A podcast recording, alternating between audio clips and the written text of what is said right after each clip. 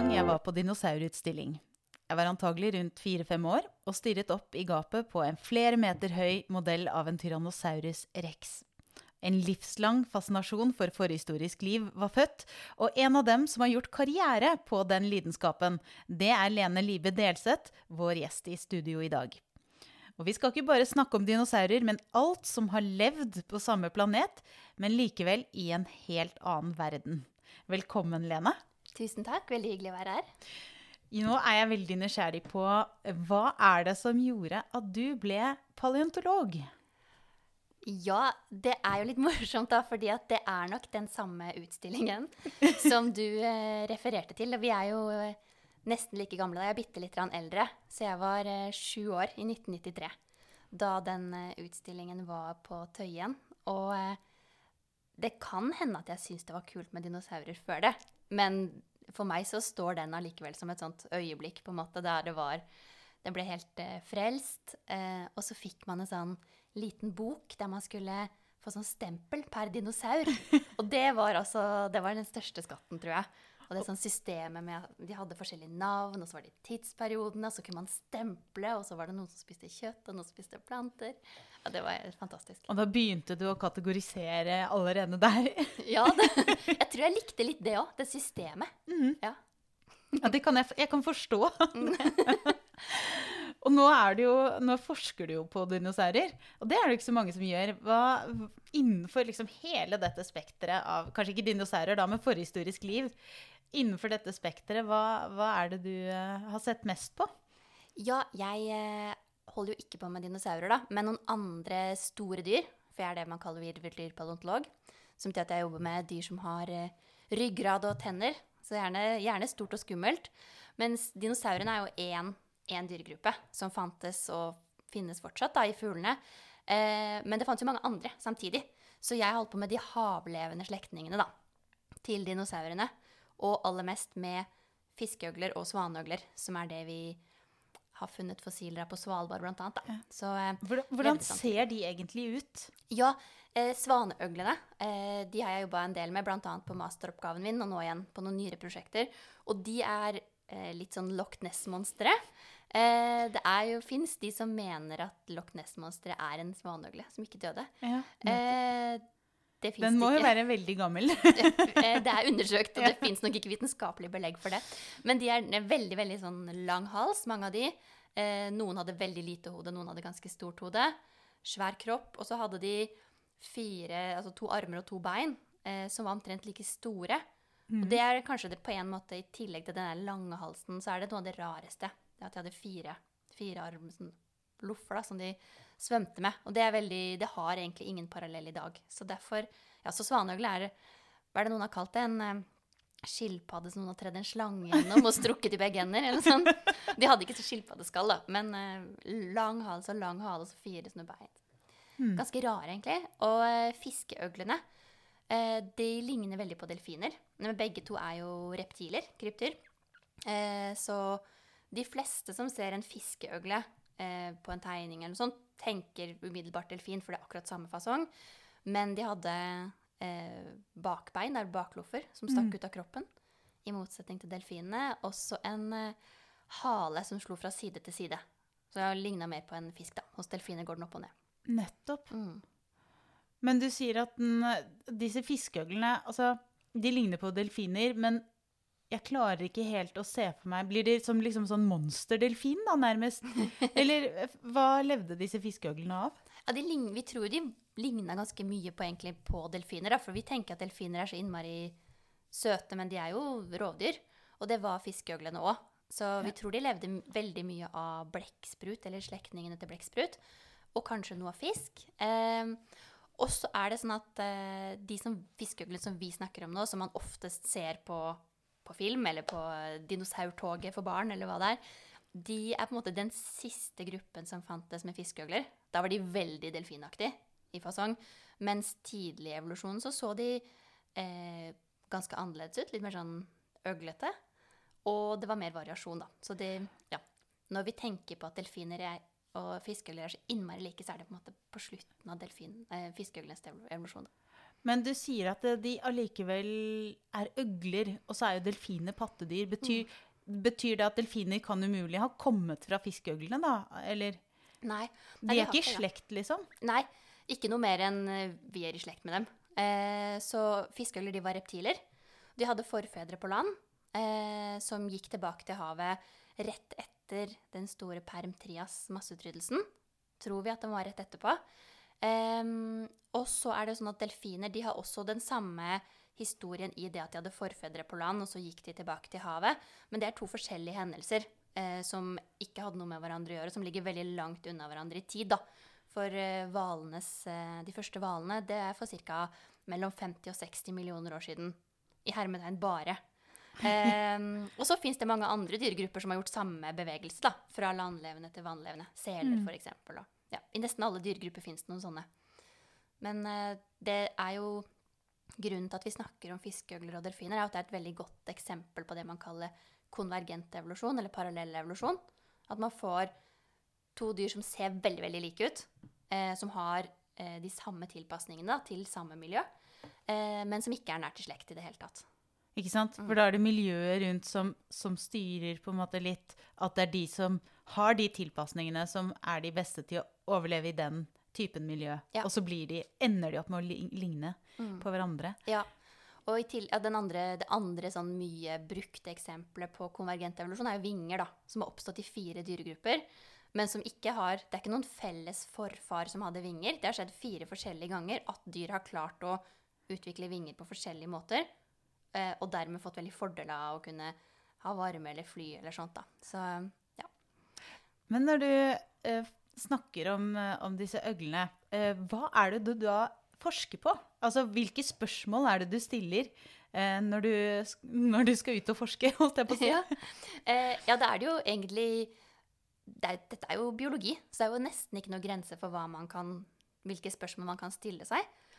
Og så er det jo ganske stor eh, forskjell fra folk som forsker på nålevende natur, med hva slags forsøk man kan gjøre. da. Man kan jo som regel ikke gjøre forsøk.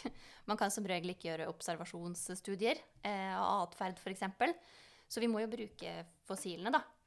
Og jeg har eh, gjort litt forskjellig, men i doktorgraden min, da, som jo det jeg brukte aller mest tid på, den handla om fiskeøgler. Og da var det i ganske stor grad eh, det at vi hadde jobbet med dette, et område på Svalbard og gravd ut masse fossiler derfra.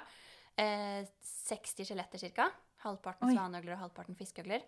Eh, og så min doktorgrad gikk da på ikke alle fiskeøglene, men noen av dem. Og da var det på en måte det første arbeidet som skulle si noe om hva i all verden er dette. Okay. Så det må man på en måte gjøre først. Eh, så må man si ok, hvilke knokler har vi?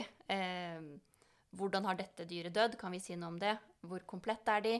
Eh, er dette en art vi kjenner fra før, eller er det en ny art? Eh, tror vi at de er i slekt? Og det er på en måte en slags sånn grunnmur, da.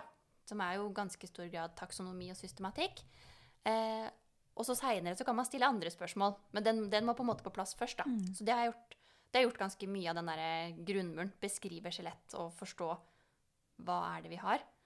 Og så har jeg på en måte kunnet gå litt videre da og se på f.eks. slektskap.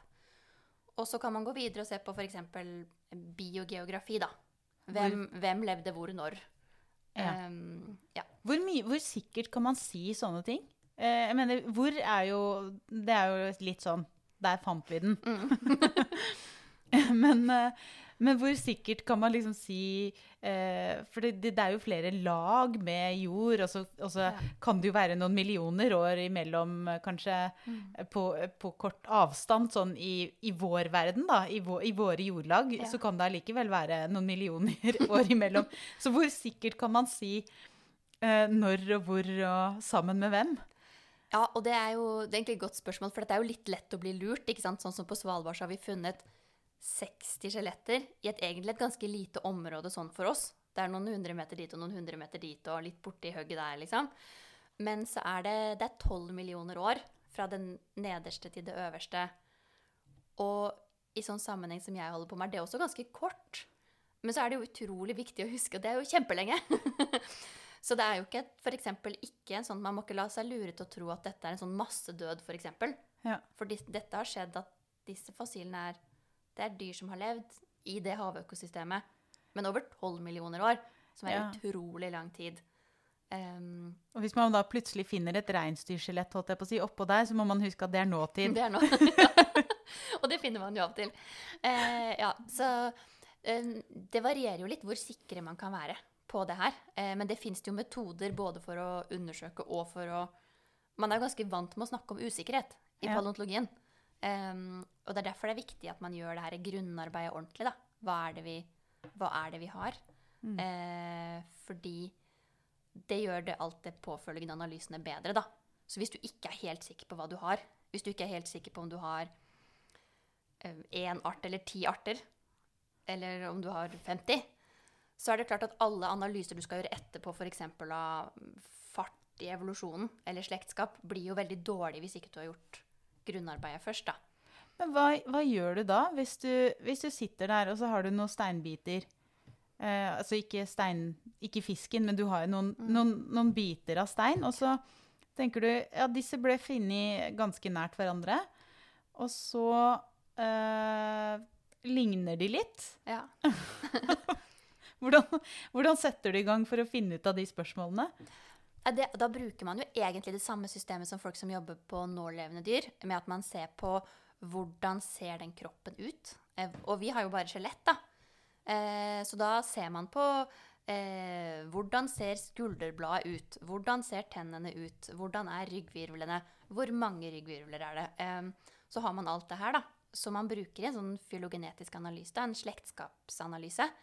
Eh, og så ser man på hvor like er de. Når vi har disse gitte tingene vi ser etter, hvor like er de hverandre. Så hvis liksom han eh, nummer A her borte og nummer B der borte, hvis de deler veldig mye, da, så på et eller annet tidspunkt kanskje vi sier ok, det er samme art. Mm. Mens hvis de er veldig forskjellige, så pleier vi ofte å tenke at da kanskje er det to arter. Men så er det jo masse, masse problemer, fordi at eh, vi har jo ofte ikke komplette dyr. Så du kan jo ha hodet til en og rumpa til en annen. Og, og da vet du ikke om det er samme. Nei. Så, sånn at den taksonomiske diskusjonen er jo kjempeviktig. Ofte blir det litt dårlig stemning for det, fordi det er viktig. Og, og den er på en måte pågående hele tiden. Og det er jo fordi det er viktig, da. Det er jo grunnlaget for eh, alle mulige ting du skal skjønne om evolusjon etterpå. Så må du liksom ha det der på plass på et eller annet vis. da. Hender det også at det kan være samme art og forskjellig kjønn? Eller at det kan være samme art og så en ung, et ungt individ eh, eller, og et gammelt individ også? Ja, og fra dinosaurer så fins det jo ganske mange eksempler på det at, eh, at dinosaurer som har først, først så har man gitt det ene skjelettet ett navn, og det andre skjelettet et annet navn, og så har man kanskje funnet noen flere, og så ser man Og dette, dette er nok egentlig det samme, men eksempel, som du sier, da. Den ene er eh, ungdom, og den andre er voksen. Eh, og sånn der justeringer, det er det man holder på med hele tiden.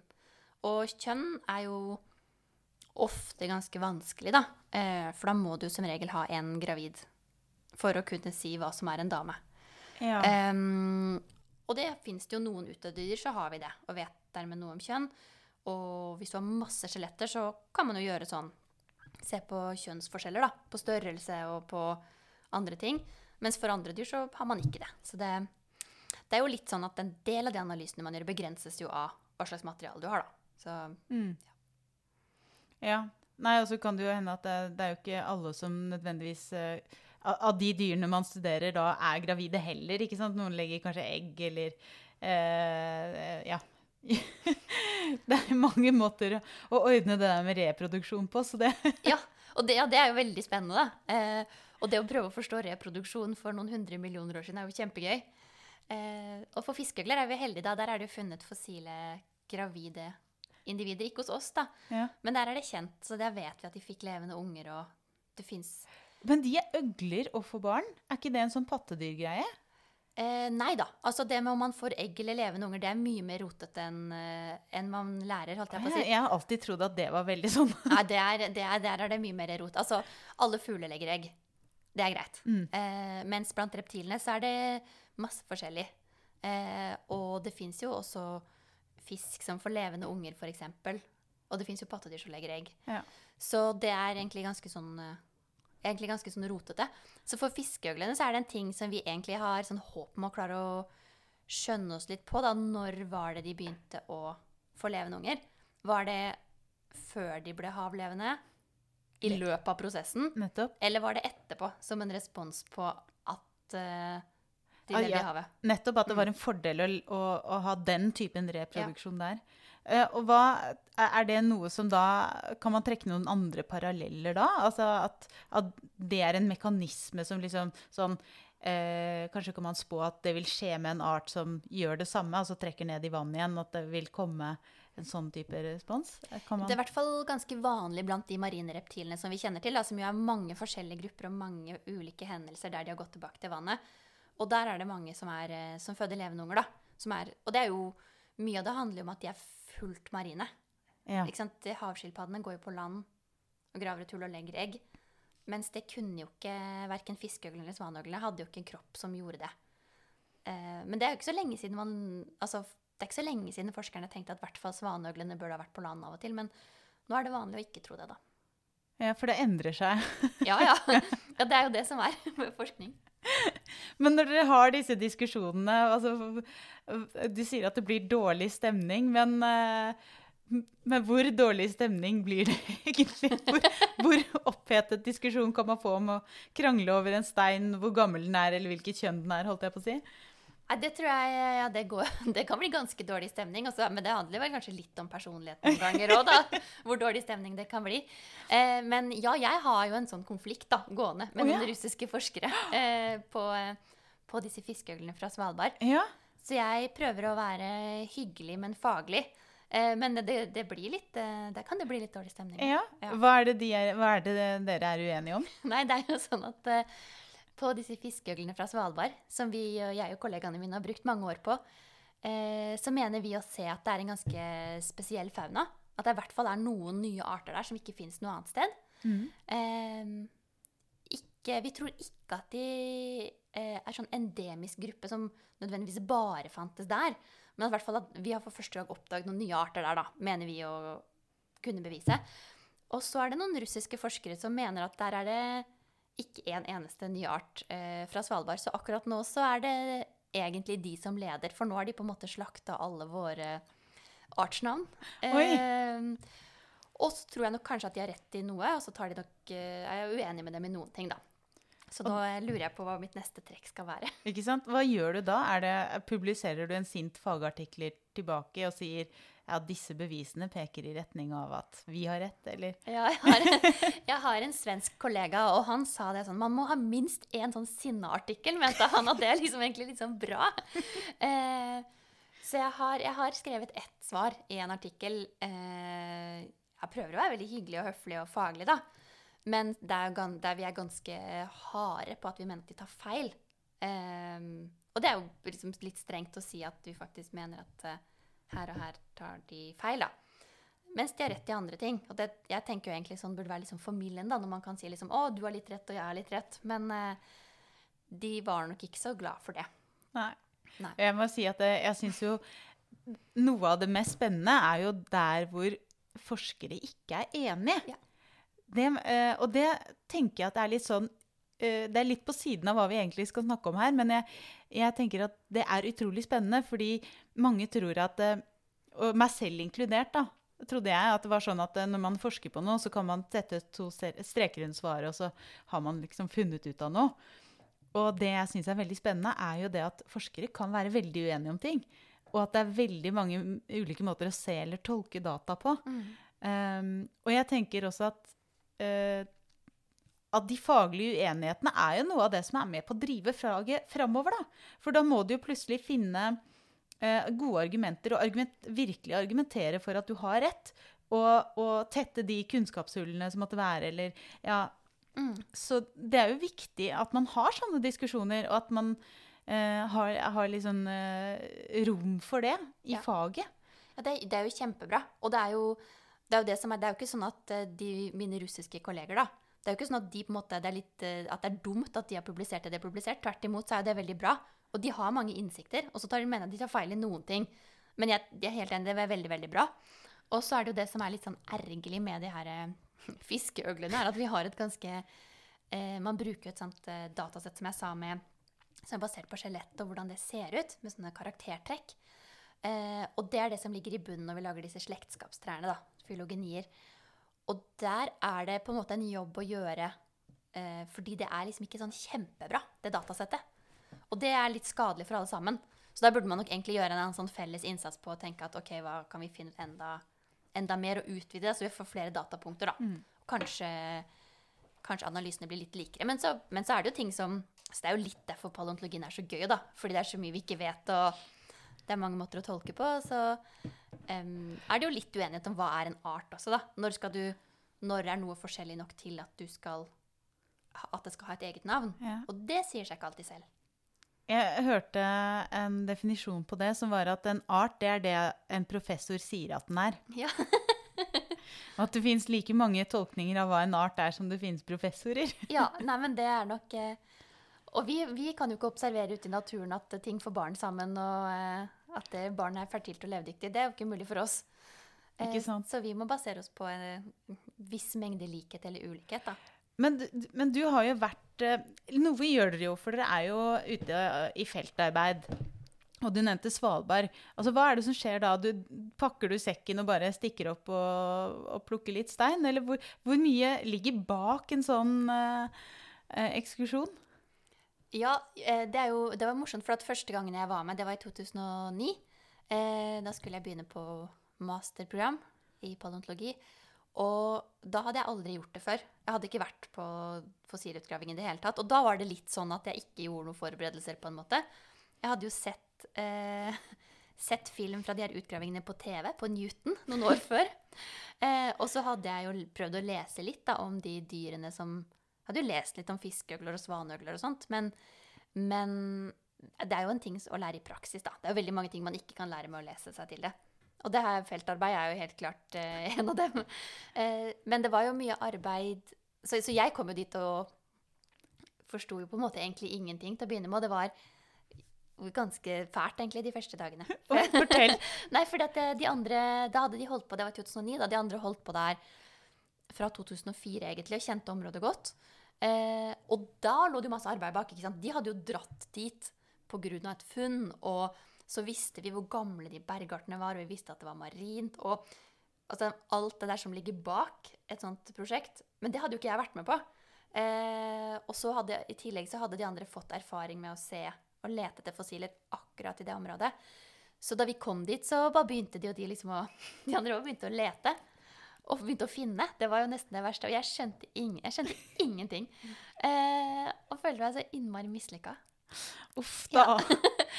Og, og så, var det, så viste de fram liksom, ja, sånn, sånn ser det ut, ikke sant? Og så og de, OK, er det der, er det det, det jeg vil lete etter? Ja. Det var altså så rart. Eh, og Hvordan de- ser det ut?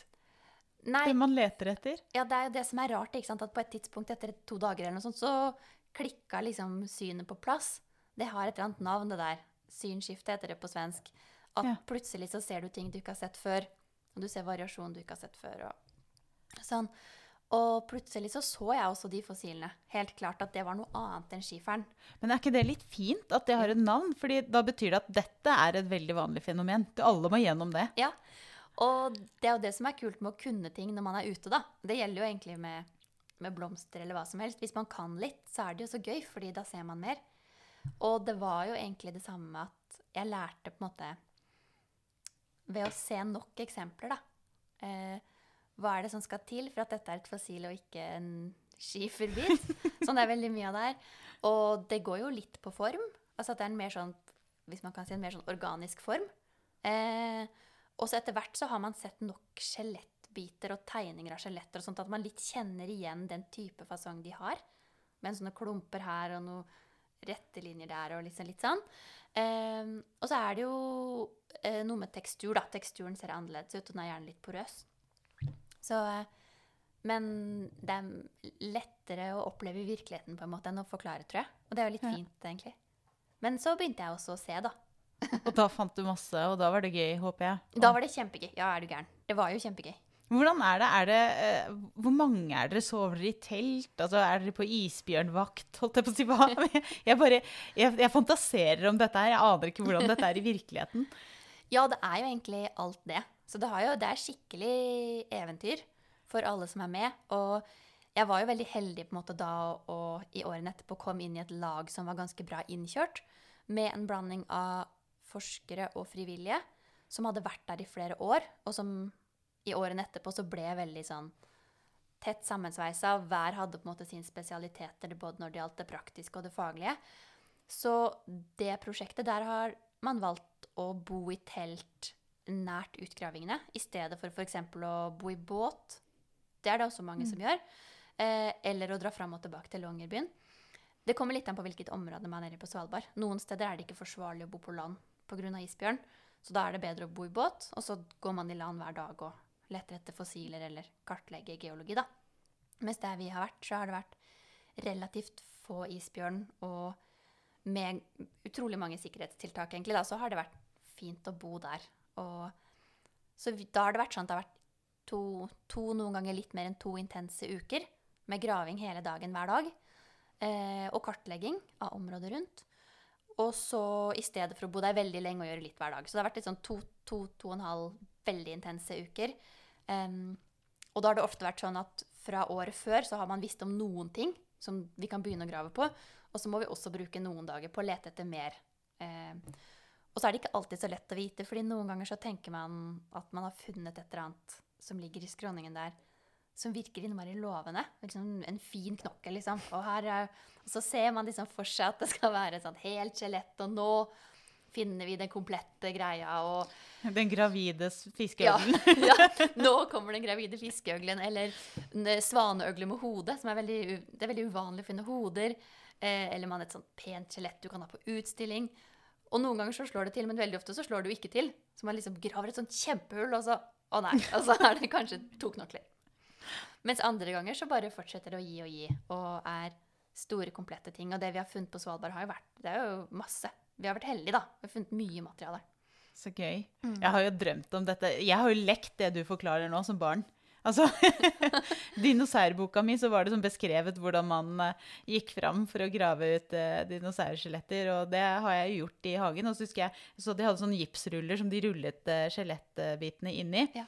Uh, jeg trodde man kunne gjøre det det samme som, på, som dopapir, altså, for det ligna litt, da, de mm. rullene med gips. Men dopapir går i oppløsning. Vi bruker dopapir òg, da. Gjør dere det? Ja, er det sant? Under gipsen. Fordi at eh, Åh, du, Nå er det bare er helt fantastisk, jeg tenker. Ja, det er, så det er, det er, det er bra. Eh, men eh, det, er jo, det, er jo, egentlig litt sånn morsomt, da, fordi at veldig mange metoder og alt mulig vi kan bruke, er veldig moderne. Men akkurat det å grave ut fossiler er det på en måte Det er begrensa hvor mange måter du kan gjøre det på. Fordi at det er veldig skjørt.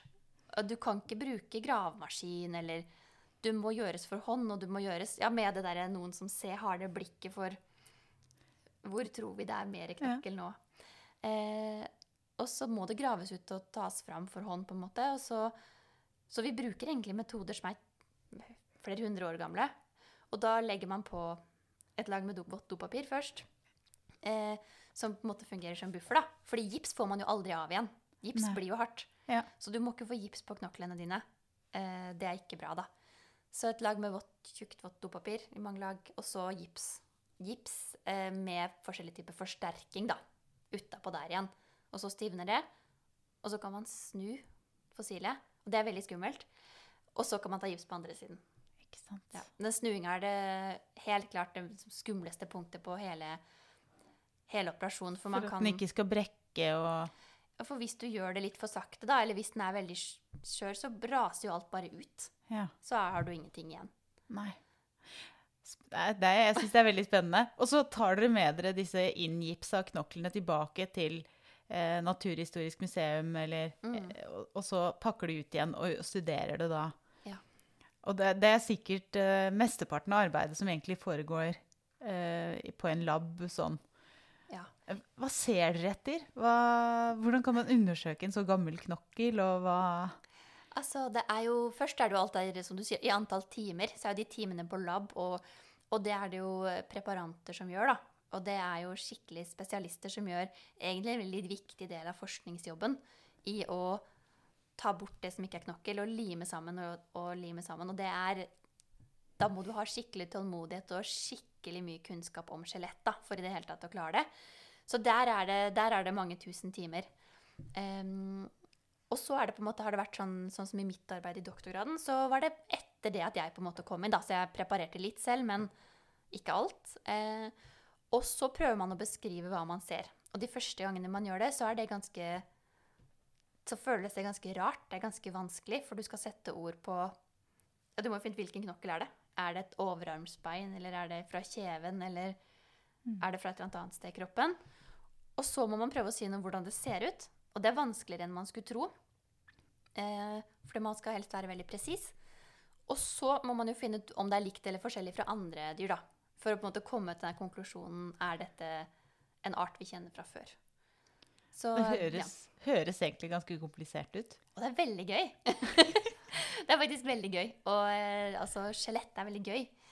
Så, eh, men, det er, men det er vanskelig. De første gangene jeg gjorde det, så Det var bratt oppoverbakke, bratt oppoverbakke av læring, da. Men Men finner dere bare skjeletter også? Fordi det, det er jo mye forhistorisk liv som lager avtrykk, eller som um, kan ha skall eller skjell. Altså Fiskeøgler er jo én ting, Mm. men det er veldig mye å ta av hvis man skal se på alt av fossiler, da. mm. Så er det veldig mye annet. Ser dere bare etter, etter skjeletter, eller ser dere også etter planteavtrykk eller andre, andre typer ting når dere er der? Ja, vi har jo vært liksom heldige med akkurat det prosjektet, at det har vært et litt sånn bredt prosjekt. Så da har vi hatt hver våre oppgaver, på en måte. Så jeg og noen andre har jobbet med de store dyra, og så har vi hatt noen kolleger som har jobbet med de små dyra. Eksempel eh, ja, muslinger eller eh, eh, forskjellige blekksprutslektninger og alle mulige andre mindre dyr, da, virvelløse dyr. Og så har vi hatt andre igjen som har sett på mer sånn sedimenter og kjemi, og prøvd å forstå seg på f.eks. Eh, havtemperatur, eh, havdybde, eh, ja, og sånne ting. Da. Så vi har Det har vært morsomt med det prosjektet der. Og så, eh, og så er det jo alt det som går på oppbevaring, da, som du sier at noen ganger så finner man Som regel så finner man det som er hardt. Eh, Skjelett eller skall eller pollen da, for planter. Men ikke alltid, da. Så jeg eh, På Svalbard har vi i foreløpig ikke funnet eh, bløtvev. Altså vi har Nei. ikke funnet hud, f.eks. Men jeg jobber med et prosjekt på en eh, fiskeøgle fra Tyskland. Fra et område som heter Solnofen. Og den er bevart med hele omrisset av kroppen og masse sånn eh, hva skal man si, gugge, som er eh, forskjellige typer bløtvev. da. Det, så det, det går helt fint an, og da er det klart at da kan du få helt andre typer data. da. Så det er kjempegøy. Og kan man se avtrykk av uh, ulike deler av guggen, holdt jeg på å si? Altså, denne guggen er sannsynligvis hud, eller her må det ha vært et hjerte, eller hvor, hvor nøye kan man se de lagene? Ja, der er det også et område som, som egentlig skyter fart framover, fordi at meto, altså teknologien går så fort på eh, mikroskopi og alle mulige sånne metoder som du kan bruke til å analysere både kjemisk sammensetning og se hvordan det ser ut og sånn. Så der er det jo masse metodeutvikling de siste årene som har gjort at uh, det er mange som f.eks. jobber med ikke sant, farger på dinosaurer, da. Som er alltid man har tenkt sånn Å, farger er umulig. Mens kanskje ikke farger er så umulig allikevel. Um, Altså, hvordan finner man ut hvilken farge de har? Hva, er det, hva gjør man da? Nei, altså det som det, det egentlig handler om, er jo, uh, er jo veldig, veldig gode mikroskoper ofte, da. Eller måter å analysere kjemisk sammensetning på. Som gjør at du kan si hva slags type fargestoff tror vi det har vært her. Eh, jeg har ikke, ikke noe tro på at det er noe fargestoff i den som jeg holder på med, da. Men eh, vi håper jo kanskje vi kan si Og så er det heller ikke sånn det ligger ikke noe pent og pyntelig hjerte der, eller, eller sånt. Men det har, vært, eh, det har vært noen artikler der folk mener å, mener å kunne si eksempel var det noen som mente at de hadde en lever, da. At, at de mente liksom å identifisere hva som er leveren, da. Hvilken sånn gugge som er, må være lever pga. hvordan den ser ut, og plassering og sammensetning og sånn. Um, og det er foreløpig litt sånn kontroversielt, da. Men, men det må jo være etter altså, Hvis ikke det er lever, så er det jo noe annet. Ja, nettopp. Eh, og vi tror nok ikke vi har eh, det, men vi tror vel vi har mer enn én type som bløtvev, da. Så det er jo ganske gøy. Prøve å Først må man jo prøve å si liksom, hvordan ser det ut, hva kan vi finne ut av det her. Så der har vi jo slått oss sammen med en mineralog da, som er god på å se på hvilke, hva slags kjemisk sammensetning du har i forskjellige typer, ja, både fossiler og stein. da. Men har du, når du har fått dette fra Tyskland, har du vært der og vært med og gravd ut også, eller? Uh, Ja, dette Er et, nei, dette er et prosjekt som på en måte blir til på en litt annen måte, da. Så det er jo egentlig liksom viktig, fordi at uh, det er jo ikke sånn at man må være ute i felt og grave ut uh, fossiler for å være paleontolog. For det fins jo millionvis av fossiler i alle mulige naturhistoriske museer over hele verden som ikke er forsket på. Oi. Og eh, ofte som ikke er tatt ut av gipsen engang. Eh, så det fins jo massevis av dinosaurer og massevis av ting som bare ligger på lager. Så man må jo overhodet ikke ha noe nytt sted å dra, fordi det er allerede så enormt mye data som fins. Så akkurat det her fossilet fra Tyskland, der ble jeg kontakta av noen folk på et museum som hadde sett eh, forskningen jeg hadde gjort fra før, som spurte om jeg hadde lyst til å skrive en artikkel om det, rett og slett. Så det var jo eh, jackpot for meg. Kjempegøy. Eh, så jeg har ikke henta det hit, da. Eh, Du har vært nede i Tyskland og sett på det? Ja. Men det er et sånt prosjekt som har tatt litt tid, da, for det var mot slutten av doktorgraden. Og så tenkte jeg bare at jeg kan ikke si nei. Jeg må bare, når de spør, så må jeg bare si, reise og si ja. Hadde med mann og barn, for jeg amma fortsatt, og det var mye, mye ordnings. Men tenkte dette må jeg bare gripe. Og så har det jo tatt litt tid, da, for så måtte jeg jo ferdig doktorgraden og har jo holdt på med litt andre ting. Men eh, så nå sitter jeg med den artikkelen, nå har den vært i review, da, så jeg håper ja, kanskje den kommer i år. Eh, ting tar tid, men kanskje i år, da. Det, det har gått noen år. Det høres veldig veldig spennende ut. Mm. Men har du, har du vært ute i felt på andre steder enn Svalbard, eller eh, er det, er det primært der du har vært? Nei, det er jo egentlig bare der jeg har vært ordentlig i felt. Så har jeg jo vært liksom og snoka rundt i Oslo-feltet, da, og sett på um, det Her er det jo veldig masse fossiler. Mm. Trilobitter og sånn. Men aldri vært på sånn ordentlig utgraving. Nei.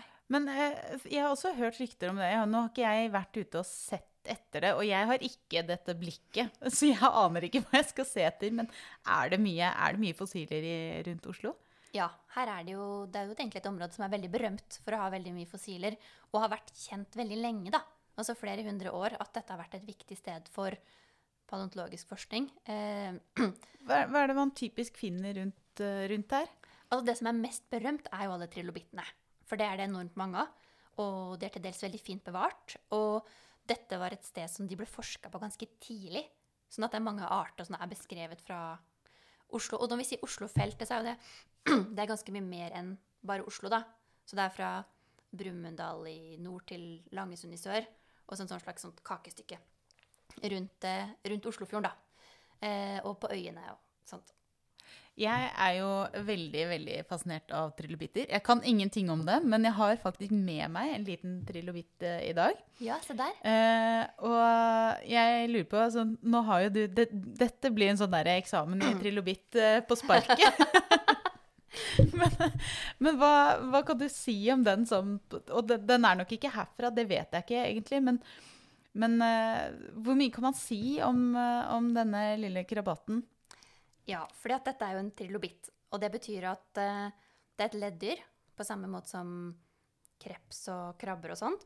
Så de hadde et ytre skall, og så hadde de en myk kropp inni, sånn som reker og krabber og sånt har. Det vi ser avtrykk av her, er kanskje det ytre skallet. Ja, og med den her så vet jeg ikke om dette er et avtrykk, eller om det er det faktiske skallet. Nei, det vet ikke jeg heller. Så, men, eh, men det, sånn så den nok ut, for vi ser den på en måte fra utsiden, da. Eh, og så hadde den et eh, Det de ofte hadde, var at de hadde liksom et sånt distinkt sånn hal... Nei, det hode, hode som skal, på hodet, og så et på kroppen, et på halen. Så, eh, og så kan man si at de på en måte var delt i tre begge veier, at du kan se liksom at den har delt på ryggen her midt på, og så bein på hver side. Eh, og så fins det jo helt utrolig mange forskjellige trilobitter. For de fantes på jorda og var veldig viktige i de marine økosystemene i 300 millioner år. Og det er ganske lenge. Det er jo veldig lenge. Altså, mennesket er jo kanskje 300 000 år. Ja. Så Ja, det eh, litt Det er noen nuller imellom. det er noen nuller imellom. Så, så dette, dette er jo noe av det mest suksessfulle egentlig som har vært, da. Um, og- Har de, har de eksistert lenger enn dinosaurene? Altså sånn, hvis vi tenker på Tyrannosaurus rex og de som, det jeg tenker på at er eh, dinosaurer i hodet, sånn, Mm. Eh, så har jo trilobittene eksistert fryktelig lenge. Ja, altså De første dinosaurene er jo kanskje 230 eller 240 millioner år gamle. Fra tidsperioden Trias. Og så fins det dinosaurer i dag som er fuglene. Så det er jo da maks 240 millioner år. da, Så trilobittene slår dem jo eh, som dyregruppe. Eh, og de, ja, de fantes, og de var veldig varierte. Det fantes kjempemange forskjellige arter, og det fantes eh, veldig forskjellig på størrelse. Kjempestore, kjempesmå. Og Hvor de største var de? Hvor, hvor store var de største? De største Ja, jeg vet ikke hva som er liksom rekordrekorden, men, men altså i hvert fall eh, en, I hvert fall en halvmeter, tror jeg. Ja. Eh, og til så små at du nesten ikke kan se de. Eh, nesten sånn maurstørrelse. Og også at man tror at de gjorde mange forskjellige ting i økosystemet. Da. Noen, noen holdt på på bunnen, og noen svømte rundt i vannmassene. Og, ja. Så det, det er en utrolig viktig dyregruppe. Og så er de, er de jo egentlig litt sånn kjent og kjær gruppe da, for det er jo mange som har, har funnet fossiler av de, særlig her, da. Mm. Fra Oslofeltet. Mm. Kult. Så det er jo Det her er jo lang, lenge før, da. Lenge før dinosaurene. Så det er jo Cambrium, Mordovisium, Silur er de tidsperiodene som Oslofeltet eh, har fossiler fra, da, og har trilobitter fra. Det er, det er veldig rart å tenke på. Det har vi ikke vært så mye inne på, men verden har jo sett veldig annerledes ut når de trilobittene levde. Ja. Uh, og verden har jo endret seg veldig mye til dinosaurenes tid, og så til vår tid igjen. Så hvis jeg skulle se for meg hvordan verden så ut, uh, så er det jo ikke sikkert at jeg ville lykkes, da, fordi at det er veldig mye som ville vært så forskjellig. Ja. Men hvordan tenker du, når du gjør forskning på dette, prøver du noen gang å se for deg hvordan, hvordan var det på planeten da fiskeøglene levde, f.eks.?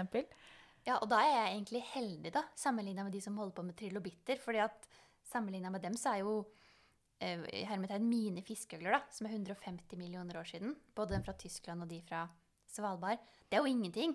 Så da var det jo nesten som nå. Altså, Svalbard litt lenger sør, men OK, og det var eh, marine økosystemer som på mange måter kan si at det ligna litt. Da. Altså, det fantes fisk, det fantes hai, det fantes blekksprut. Stopp en halv. Ja. Fisk og hai og blekksprut, eksisterte ikke de side om side med trilobittene i det hele tatt? Nei, det blir jo veldig lenge siden, da. Ja. Hvis, så jo, altså fisk, fisk og trilobitter har jo hatt overlapp. Og det er jo litt fordi trilobittene fantes så lenge. Men, eh, men ikke alle de andre. Nei. Så, eh, og når vi snakker om de her store dyra, da eh, Med de marine reptilene, da. Eller for nå har vi jo marine pattedyr. Så er jo det Da er jo trilobittene har jo lenge eh, Dukket jo opp lenge før dem. Så Um, ja. Dette er jo noe som har Det har jo tatt meg liksom hele livet å sortere i hva som skjedde hva, i, i noenlunde å ha noen sånne knagger eh, i livets utvikling. Og det er eh, og det er fortsatt mye som jeg ikke vet, eller mest ikke vet. Så, så det der sorteringa der er vanskelig, særlig siden, som du sier, da, det er så utrolig vanskelig å se for seg hvor annerledes det var. Mm. Og, og det er jo litt derfor at paleontologien også er et fagfelt som er veldig avhengig av kunstnere. da. Eh, folk som tegner og tolker og prøver å faktisk gi oss de bildene, da. Fordi mine artikler er jo veldig Det er veldig tørt. Altså, det er skjelettbeskrivelser, og det er liksom Her skal vi skåre score sånne karaktertrekk for å lage et slektstre, og så skal vi gjøre mål, og så Så det er jo ikke noe Det er jo ikke noe eh, Det er, ikke noe for, det, det er ikke så veldig mye som gir eh, rom for fantasien, kanskje? Nei, så eh, kunstnere er jo egentlig viktig for ballontologien, da. Eh, Ja. Og folk som tegner rekonstruksjoner av utdødde økosystemer. Og da man kan bare tenke på dinosaurene. Hvor viktig det er at noen har tegna dem inn i et landskap, da.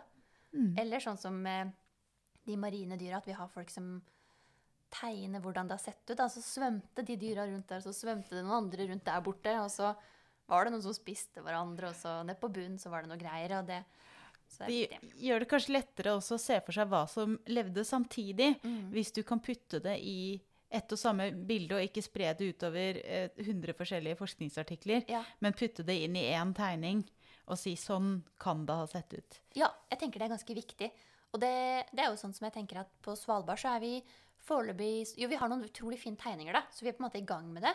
Og så har vi en del puslespillbiter. Men hvis vi kunne fått holdt på med det prosjektet lenge nok, så skulle vi nok forstått enda mer av økosystemet, da. Mer sånn hvem spiste hvem, hvordan utvikla det seg over tid. Um, og forstått enda mer av ja, næringskjeder og, og samspill, da. Det er jo veldig spennende. Det, det som er lett for meg å dra en parallell til sånn umiddelbart. Nå vet ikke jeg hvor riktig det er, men jeg tenker på Jurassic Park og Jurassic World-filmene. For der er det jo noen som har prøvd å lage en kanskje litt i overkant uh, populærvitenskapelig framstilling av, av, hvordan det kan ha vært. Hvor, hvor riktig er disse popvit-kulturelle filmene? Nei, det er jo altså, det er i hvert fall blant virveldyrpaleontologene så er det jo eh, mye engasjement rundt, eh, altså rundt populærkultur. Og Jurassic Park og Jurassic World-filmene er jo veldig viktige, da. Eh, og der er det litt forskjell på Jurassic Park og Jurassic World-filmene. Og Jurassic Park kom jo først i 1993. Og da eh, var det nok Det er jo en ganske på en måte litt sprø oppfinnelse. ikke sant? Man utvinner DNA og så fra en sånn mygg, og så kan man lage dinosaurer. Hvor, hvor realistisk er det egentlig? Nei, eh, vi tror jo ikke det er så veldig realistisk. Eh, men jeg pleide liksom å si sånn det går ikke, fordi at DNA brytes ned for fort til at du kan komme deg så langt tilbake da, som du må for å få T-rex eller noe annet. Og at det er forskjellen på det og mammut, som man jo prøver å gjenskape. Men nå er det jo folk som mener å finne veldig veldig gammelt DNA da, og kunne påvise det med stadig nye metoder.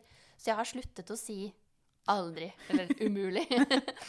men, eh, ja, så det er jo ideen bak Jurassic Park. Eh, men det var jo veldig mange som er veldig glad i den filmen, også innenfor fagfeltet. Og de brukte jo mye paleontologisk forskning bak, bak det de gjorde der.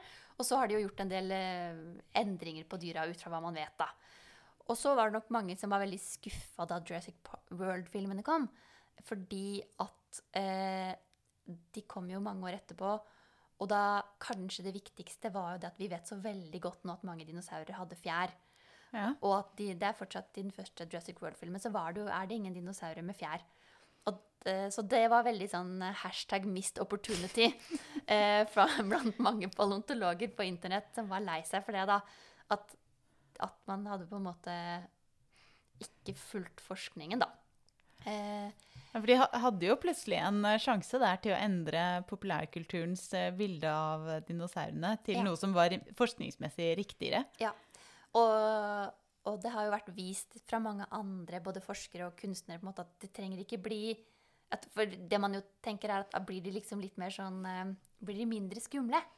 Hvis de har fjær, blir det liksom litt sånn pjuskete. Men det er det mange som har vist at det trenger det ikke bli. Det kan bli vel så skummelt hvis du har fjær, da.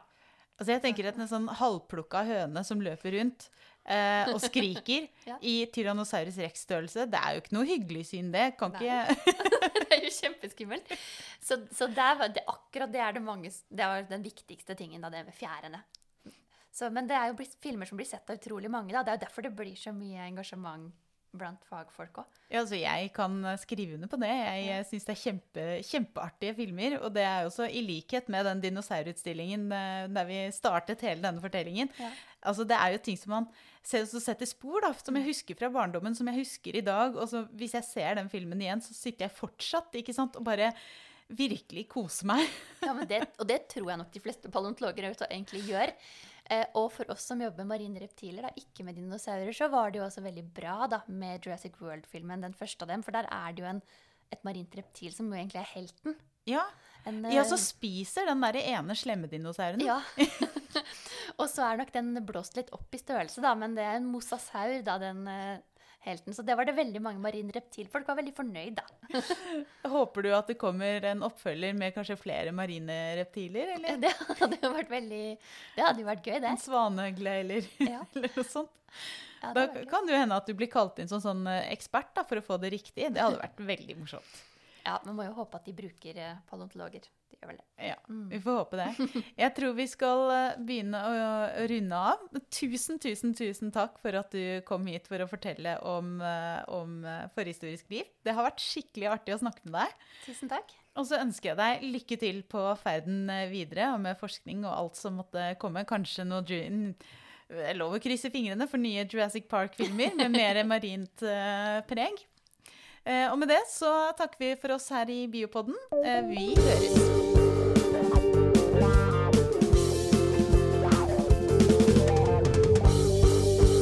Du har nå hørt Biopodden intervju med Elina Melteig. Og med på laget har jeg også Torborg Galtland, daglig leder i Norsk biologforening. Musikken du hørte, er laget av biologibandet Overgump og består av Even Sletteng Garvang, Markus Fjelle, Erik Møller, Mathias Kirkeby og Audun Rugstad. Fortell gjerne om podkasten til venner og kjente, og gi oss tips og tilbakemeldinger på e-posten biopodden at bio.no. Og hvis du vil støtte oss, er du hjertelig velkommen som medlem av Norsk biologforening. Vi høres!